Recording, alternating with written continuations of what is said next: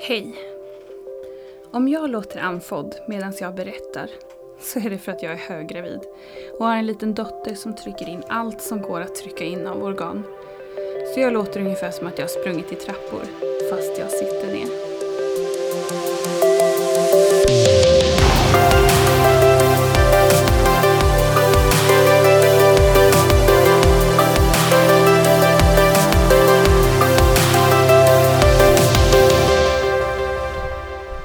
Heter Johanna, är 31 år, gift med Natanel och till hösten blir jag trebarnsmamma.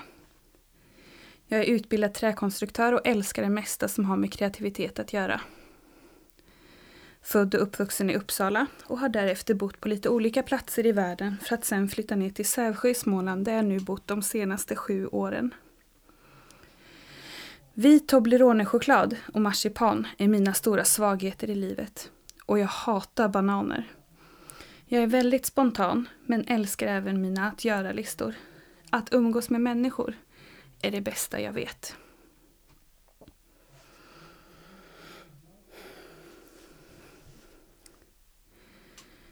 Idag vill jag dela en bit av min resa och den börjar tidig vår 2013. Då bodde jag i Stockholm i en lägenhet i Vasastan tillsammans med min bästa vän Elin. Jag hade min gudstro och gick till kyrkan, men jag levde inte ett överlåtet kristet liv. Jag ville bestämma över mitt eget liv och inte styras av en massa tråkiga regler om vad som är tillåtet eller inte. Jag jobbade på IKEA som köksritare jag älskade mitt jobb och mina kollegor och såg framför mig en lång karriär inom IKEA där jag kunde klättra och utvecklas. Jag blev kallad till samtal med mina chefer en måndag där vi pratade om att de ville att jag skulle jobba mot att bli gruppchef inom ett år. Vad det innebar och krävdes av mig. Allt gick verkligen precis åt det håll jag ville. Två dagar senare får jag reda på att jag är gravid. Min första tanke när jag får beskedet var inte Åh, vad roligt! Utan snarare Shit, nu sitter jag ordentligt i skiten. Jag hade inget fast förhållande. Killen som var pappa till barnet var en kollega som jag träffat några gånger. Jag hade inte sagt att jag var oskyddad utan hade tänkt att det där hinner jag fixa innan något händer. Jag menade inget illa eller ont med att inte berätta sanningen men jag tyckte att sanningen inte spelade så stor roll eftersom inget skulle ju hinna hända. Det var i alla fall så jag tänkte i min unga naivitet. Men nu stod jag där, 24 år gammal, gravid tillsammans med kille jag inte älskade och som jag visste inte skulle bli glad av att höra det jag hade att berätta. Och jag hade rätt. Han blev jättearg, med rätta. Jag hade ju ljugit för honom. Hans första och snabba respons var att det är klart du ska göra abort. Han kollade direkt upp vilken klinik som fanns i området och vi ringde och bokade tid. Från första stund när jag fick reda på att jag var gravid så började tankarna gå fram och tillbaka åt alla håll. Hur kunde jag hamna här? Kunde det här verkligen vara sant? Jag vill inte. Det här förstör allt. När vi kommer till mottagningen och sitter där och väntar så säger han Vi gör det här tillsammans. Och det kändes ändå som någon typ av trygghet i den här bisarra situationen. Jag får följa med barnmorskan in själv. Vi samtalar lite om hur en abort går till och sen gör hon ett ultraljud för att ta reda på om jag verkligen är gravid och i vilken vecka. Och jag vet inte om det var en miss eller om det var med flit från hennes sida. Men jag får se bilderna. Bilderna på barnet som låg i min mage, snart åtta veckor gammal. Och jag tror att jag redan där och då bestämde mig. Jag skulle aldrig klara av att ta bort det barn som växte inom mig. Jag fick i alla fall med mig de första tabletterna hem med instruktioner. De skulle tas för att sen dagen efter ta fler tabletter på plats på mottagningen. Sen skulle allt vara över. Tankarna och känslorna gnagde i mig varenda sekund på dygnet. Jag vände och vred på alla alternativ jag kunde komma på där alla parter inblandade skulle vara nöjda.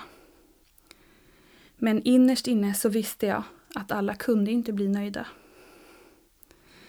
Den jag pratade med var Elin, min bästa kompis som jag bodde med.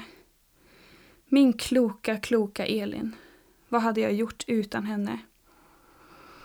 Det som verkligen gjorde skillnad för mig var när hon sa de här orden. Ett barn är alltid till välsignelse. Jag avundas inte någon som är i den sitsen att behöva ta beslut om ifall man ska behålla sitt barn i magen eller inte.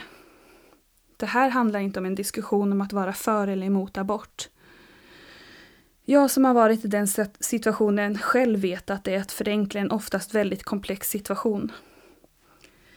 Jag som hela mitt liv har varit så säker på min ståndpunkt gällande abort var helt plötsligt inte så säker längre. Det som fick mig att slutgiltigt bestämma mig för att behålla barnet var att jag kände att jag skulle inte vara samma person efter en abort. Jag skulle hata mig själv resten av livet för att jag hade tagit den enkla vägen ut och sopat mina felsteg under mattan och hoppats att ingen skulle märka dem. Jag skulle resten av livet gå och undra över vem den där personen i magen skulle ha varit. Men jag bestämde mig. Och kanske gjorde jag det redan från första sekund. Och det var därför det kändes så jobbigt. För jag förstod någonstans vad det beslutet innebar i form av att jag skulle gå emot en annan människas vilja. Människor runt omkring mig skulle se alla mina fel och döma mig efter mina handlingar. Och den uppoffring av min utstakade bana på Ikea som skulle behöva göras. En av de största lärdomarna jag fått av min historia är att aldrig döma en annan människa utefter deras val. För vi som står och ser på utifrån ser bara en pytteliten glimt av deras situation och vi vet sällan allt som pågår bakom stängda dörrar. Och att det är väldigt lätt att ha en åsikt i en fråga. Men när vi kommer till skarpt läge, det är först då vår åsikt testas på riktigt. Våran åsikt och ståndpunkt, tåls den att stå på även när det stormar? Eller är det så att det är lätt att tro och tycka något så länge vi sitter säkert och aldrig behöver konfrontera det på riktigt. Dagen kom då jag skulle ta tabletterna. Men jag hade bestämt mig. Jag kunde inte göra det. Jag kunde inte genomföra aborten. Jag ringde kliniken och avbokade tiden dagen efter. Men jag vågade inte höra av mig till honom. Inte på en gång för att berätta. Men efter ett par timmar så kom smset. Hur har det gått? Klumpen i magen kom på en gång. Vad skulle jag svara honom? Jag visste ju att det var omöjligt att ignorera smset. Jag la undan telefonen ett tag innan jag till slut insåg att nu är det bara att ta dig i kragen och berätta hur allt ligger till. Så till slut svarade jag honom. Jag kunde inte göra det. Det tar inte många sekunder innan han ringer upp, rosenrasande. Vad menar du att du inte kan göra det? Det är väl bara att göra det. Vi bestämde ju att du skulle göra det. Jag struntar i om jag så får släpa ner dig till kliniken så ska du göra det. Jag försökte lugna honom och famlade med orden där jag försökte förklara att jag kunde inte. Han sa till slut, jag kommer bort istället. Eftersom han bodde två gator bort så tog det bara någon minut innan han kom till lägenheten. Jag grät och försökte förklara hur jag kände, samtidigt som jag bad om förlåtelse över att jag inte varit ärlig. Att det här var verkligen inte något jag hade velat eller planerat och att jag tyckte hela situationen var så svår att förstå att den var sann. Han var arg och försökte om och om igen att övertala mig att det enda alternativet som fanns var abort. Han kom med argument om att det är ju bara en cellklump. Det är ju inte ens ett barn än. Jag sa att jag inte höll med honom och att det var därför jag inte kunde göra det. Efter ett tag förstod han kanske att jag verkligen hade bestämt mig. Han gick, lika arg som han kom, och smällde igen dörren efter sig. Det var sista gången jag pratade med honom ansikte mot ansikte. Jag såg honom några gånger efteråt på jobbet. Han hade bett om att bli flyttad till en annan avdelning under tiden som hans uppsägningstid gick ut. Även om Ikea är stort var det oundvikligt att stöta på varandra. Han sa aldrig ett ord, men hans blick var fylld av hat. Situationen på jobbet blev inte mindre spänd av att cirka två veckor efter att vi sista gången pratade så började han träffa en annan IKEA-kollega. Det blev snabbt väldigt tydligt att kollegorna delades upp i två läger. De som var på hans sida och de som var på min sida. Men jag hade aldrig bett någon om att välja sida. Jag ville bara att mitt beslut skulle respekteras.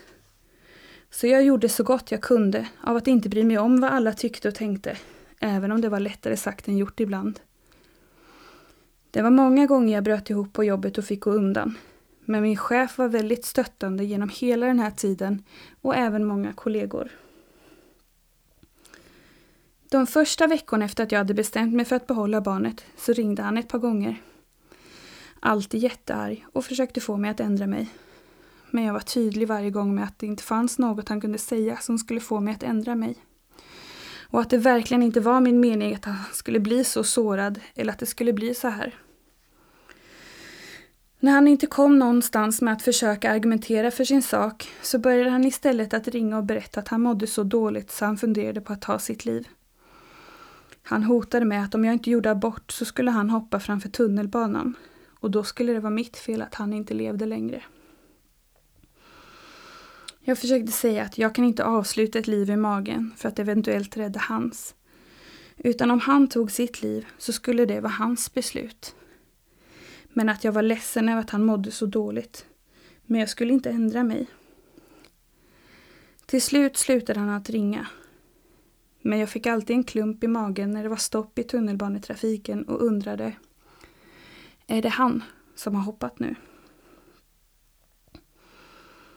När han slutade att ringa så började hans styvmamma ringa istället.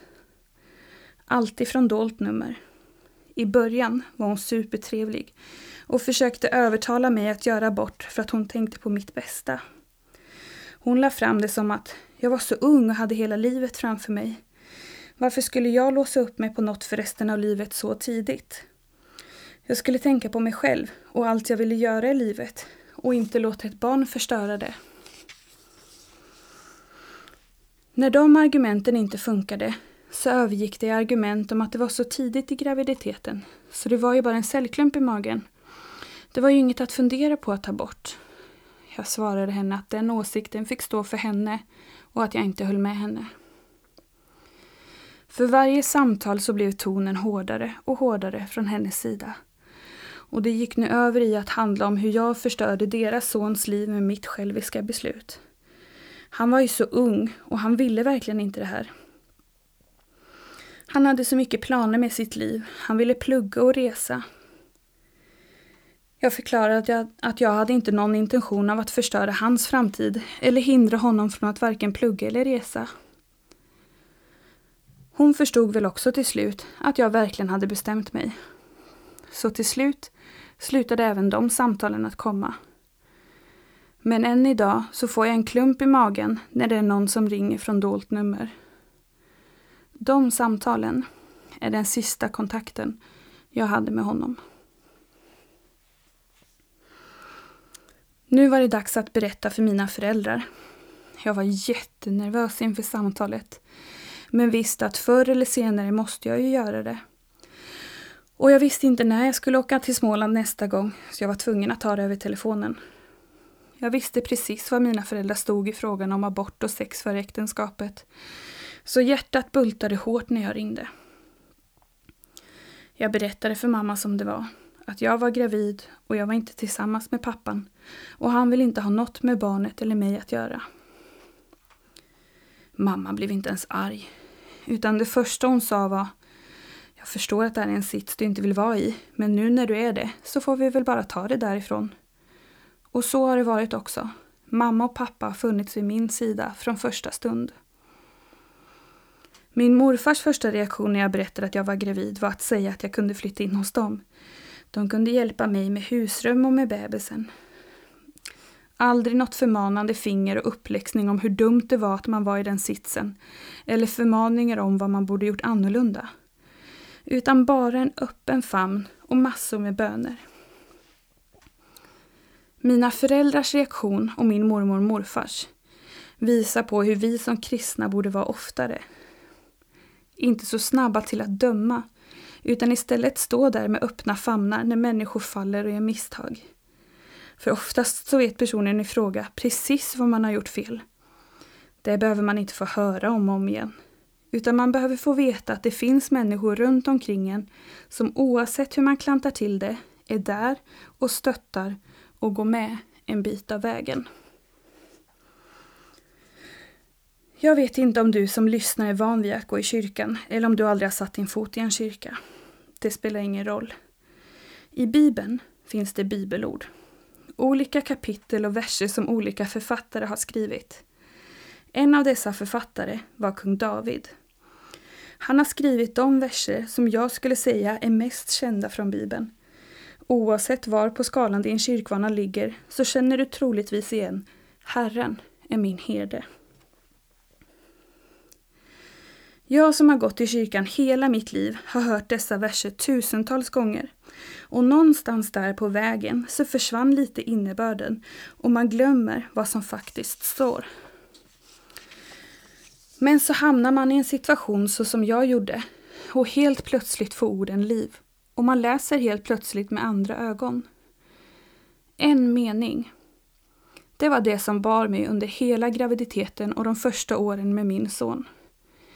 Herren är min herde, mig skall inget fattas. Vilken trygghet! Gud är min herde. Det kanske låter gammeldags. Idag har vi inga herdar. Men herdens största jobb var att valla fåren, alltså se till att de gick på rätt väg och att beskydda dem. Mig ska inget fattas. Den biten betydde mest för mig. Att även om jag stod där ensam, gravid utan man, så skulle jag inte behöva känna att det var något som fattades i mitt liv. Gud ville fylla det tomrummet. Även den som har gått i kyrkan hela livet kan göra snedsteg. Det finns ingen skala av godhet som avgör hur många fel du kommer göra i livet. Det finns inget som säger att människor som går i kyrkan är godare eller bättre än de som inte gör det. Jag fick nåden att under hela graviditeten må väldigt bra fysiskt. Jag tränade mycket och höll igång. Ett sätt att också rensa huvudet under den här perioden. Under större delen av graviditeten var jag fast bestämd vid att jag skulle bo kvar i Stockholm, även när barnet kom, och jag skulle gå tillbaka till IKEA inom ett år för att fortsätta där jag slutade. Men ju närmare förlossningsdatumet jag kom, desto mer insåg jag väl att det hade varit skönt att ha familjen nära. Att kunna få hjälp och stöttning på ett eller annat sätt än om jag hade bott kvar i Stockholm. När jag väl hade bestämt mig för att jag skulle bo i Småland under året som jag var mammaledig så var planen att jag skulle flytta tillbaka upp till Stockholm när det var dags att börja jobba igen. De planerna försvann sakta men säkert väl ner i Småland. Två veckor innan jag var beräknad drog flyttlasset ner till Småland. Det kändes både vemodigt och spännande. Vemodigt att lämna alla vänner och spännande att få se vem det var som låg där inne i magen. Min svägerska hade hjälpt mig att hitta lägenhet och det var ganska skönt att sysselsätta sig med att packa upp allt så att de två veckorna gick lite fortare. Tre dagar efter beräknat datum vaknade jag klockan fem på morgonen av att verkarna sätter igång. Förlossningen gick bra och vid 15.54 föddes det en liten pojk. Jag var nu mamma. Så här i efterhand, med ett barn till och med mer erfarenhet, så inser jag nog att min son hade kolik. Han skrek sig igenom nätterna, men det fattade jag inte då. Jag hade ju aldrig haft en bebis. Så jag tänkte att det var nog så här det skulle vara. Men jag tyckte nog samtidigt inte att det var överväldigande, utan jag fann mig nog bara i situationen. Jag kände att jag hade ju ingen att ta hänsyn till. En partner som skulle upp till jobbet dagen efter. Så det gjorde inte så mycket att jag sov dåligt på nätterna. Jag älskade att vara mamma och myste för fullt. Min son fick hänga med på allt jag hittade på. Jag ville inte vara bunden av att gå hem en viss tid eller att allt skulle anpassas efter honom. Så jag försökte vänja honom vid mycket ljud och människor. Och han är väl en av de mest sociala människor jag känner. Han, liksom jag, älskar att ha människor runt omkring sig. Helst jämt och hela tiden. Det fanns absolut jobbiga stunder och stunder då man kände sig mest ensam i hela världen. Men i det stora hela så tycker jag ändå att bebisåren gick väldigt bra. När min son var ungefär ett och ett halvt år gammal fick jag upp ögonen för en kille i vår kyrka. Jag visste precis vem han var. En av min lillebrors kompisar och någon jag växte upp med. Och till och med bott utomlands ett år med då våra bägge familjer bodde ett år i Texas när jag var 16. Någon jag aldrig tänkt på på det sättet. Och tur var väl det med tanke på att han är sju år yngre än mig. Men sommaren 2015 så tog jag ändå mod till mig och började skriva till honom. Kontakten blev tätare och tätare och vi pratade till slut varje dag. Under hösten började vi träffas lite. Vi förstod väl båda två att det var en väldigt speciell situation. Dels för att jag hade en son och dels för att han var ganska ung. Jag var inte ute efter någon flört eller något oseriöst. Utan jag ville att om jag skulle bli tillsammans med någon så skulle det vara med inställningen att det skulle bli min man och min sons pappa. Vi pratade mycket och jag var helt ärlig om mina intentioner från början. Öppen med alla kort och mitt bagage och vad jag gjort innan jag träffade honom. Jag kände att jag spelade ett högt spel och hade allt att vinna eller allt att förlora. Det fanns inte tid för en massa krusiduller eller konstigheter. Utan antingen får han ta mig som jag är, eller så blir det inget alls. Vi tog tid på oss. Eller, om du frågar mig tog vi tid på oss. Jag tyckte det var en oändlighet tills han bestämde sig. Om du frågar min man tyckte han att allt gick väldigt fort. Det viktigaste i hela den här delen av resan var att vi skulle ta det lugnt och sakta med min son. Inget skulle tvingas på honom eller kännas onaturligt. Men min man kom in i vår lilla familj och fick en självklar plats väldigt fort. Och det dröjde inte länge innan min son började kalla honom för pappa. Något vi aldrig sa till honom eller på något sätt pushade fram. Vi bestämde oss ganska snabbt för att gifta oss. Och drygt ett år efter vi blev tillsammans så sa vi vårt ja till varandra. Och vid julen 2016, ungefär en månad efter att jag och Natte gift oss, så berättar min mormor att sedan min son föddes så hade hon och morfar bett att innan han fyller tre år så ska han ha fått en pappa. Jag och min man gifte oss den 19 november. Alltså tio dagar innan min son fyllde tre år. För mig är det här inget annat än Guds oerhörda nåd och omsorg. Att fast vi inte visste om mormor och morfars bön så svarade Gud på den. Redan innan bröllopet så hade vi hört av oss till tingsrätten för att höra hur en adoption gick till och vad vi behövde tänka på. Så efter jul så hörde vi av oss till familjerätten för att komma igång med adoptionsprocessen så snabbt som möjligt. Jag visste ju att min sons biologiska pappa inte ville ha något med honom att göra. Och min son hade fått en riktig pappa i min man. Då ville vi att han även skulle få bli pappa på pappret. Processen var jobbig. Speciellt för min man. Han kände sig ifrågasatt och nedvärderad för att han var så ung. Vi fick gå på intervjuer där vi verkligen blev utfrågade och ifrågasatta i vår relation och min mans mognad som pappa. Men min man stod på sig och hävdade sina rättigheter men också sin naturliga plats som min sons pappa. Det var ju trots allt bara han som någonsin haft en fadersroll i min sons liv. Så varför skulle han inte få bli det även på papper, när han i riktiga livet verkligen var den enda pappan i min sons liv? De kom även på hembesök där de kollade hur min son och min man samspelade och hur deras kontakt var. Även om processen var jobbig så är man ändå glad att de gör en ordentlig utredning för barnets bästa. Och sen, till slut, den 24 april kom beslutet. Min man var nu även lagligt sett min sons pappa. Vilken lycka!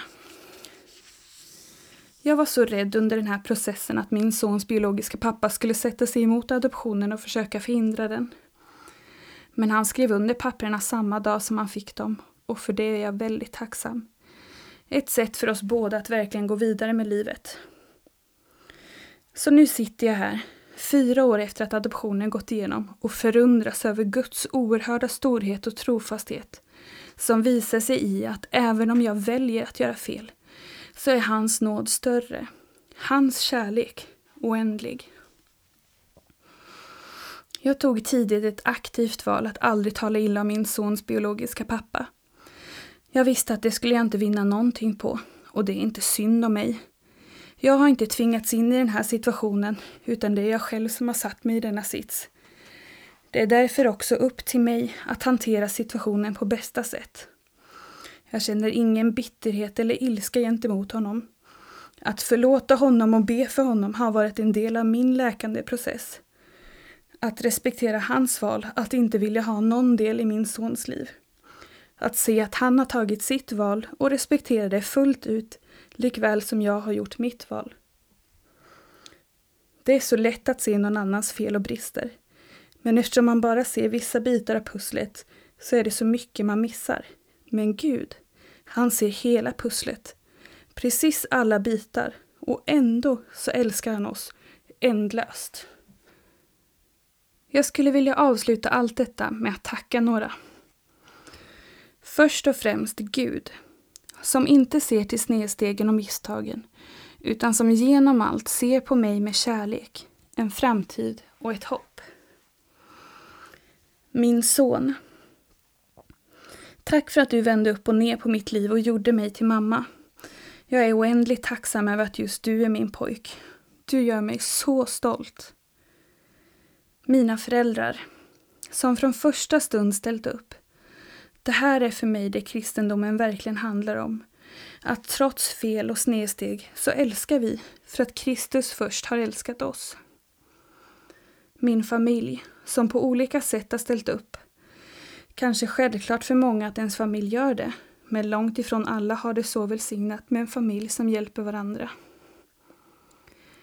Södermalmskyrkan i Stockholm och Guds kraft i Sävsjö. Jag känner en sån enorm tacksamhet till alla människor i kyrkan som aldrig har dömt eller uteslutit, utan som istället har omfamnat och inkluderat. Precis så som det borde vara, men tyvärr i många fall inte är så. Min mormor och morfar, mina stora böneförebilder. I allt och genom allt har de bett. Elin, tack för att du från första stund stöttat och varit en axel att gråta på. Tack för de åren vi fick bo tillsammans. Jag hade inte bytt dem mot något i världen. Fortuna, Kristine, Johanna och hela gänget i Stockholm. Tack för att ni aldrig behandlade mig annorlunda genom allt. Eva-Lotta, tack för dina böner. Både före det här och genom det här. Min chef och mina kollegor på IKEA. Att ni gjorde min graviditet lättare genom att fortfarande göra jobbet roligt att komma till. Johan, med sin brutala ärlighet i alla situationer. Min barnmorska, som första gången frågade Du är säker på att du vill göra det här ensam? Och när jag svarade ja så ifrågasatte du aldrig mitt beslut utan var stöttande genom hela graviditeten. Isak och Emma, om ni bara visste hur mycket ni betyder för mig och oss. Vi älskar er. Gänget i Småland, jag kommer alltid att vara eran ekan. Sara, som alltid har öppnat sitt hem för mig och min son. Ia och Ulla, alltid toleranta och alltid kärleksfulla. Min BVC-sköterska Britt-Marie, som från födseln till idag har varit en oerhörd stöttning i att bli mamma och allt vad det innebär. Min mans familj, som med öppen famn tog emot oss bägge två på en gång och som från första stund har älskat min son som att han vore er egen och aldrig behandlat honom annorlunda.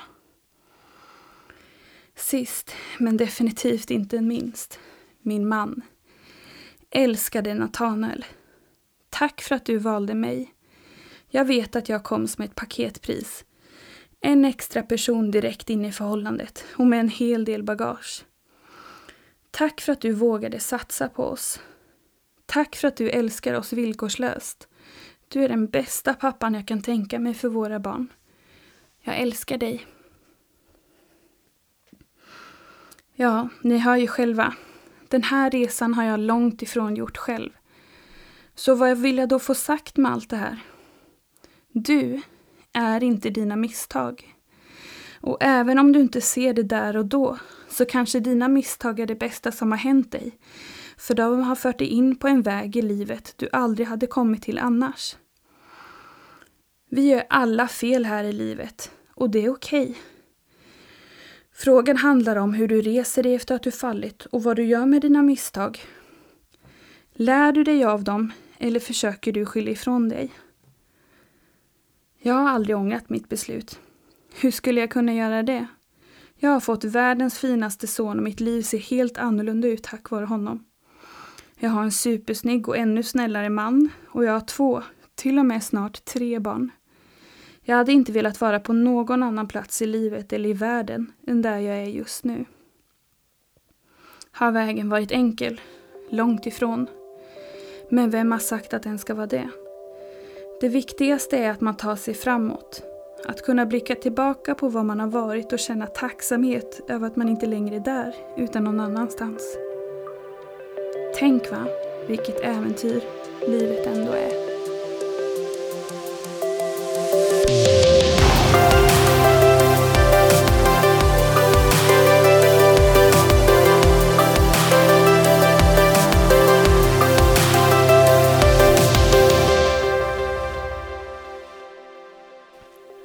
Precis lyssnat på vår podcast som heter Ellen och Emily ärligt sant och lite galet. Jättekul att du har valt att lyssna på oss. Om du vill ha mer information så finns vi under Instagram och Facebook och du hittar oss på namnet Ellen och Emily. Så in och kika där, följ oss och tipsa gärna på den vidare. Tjingeling!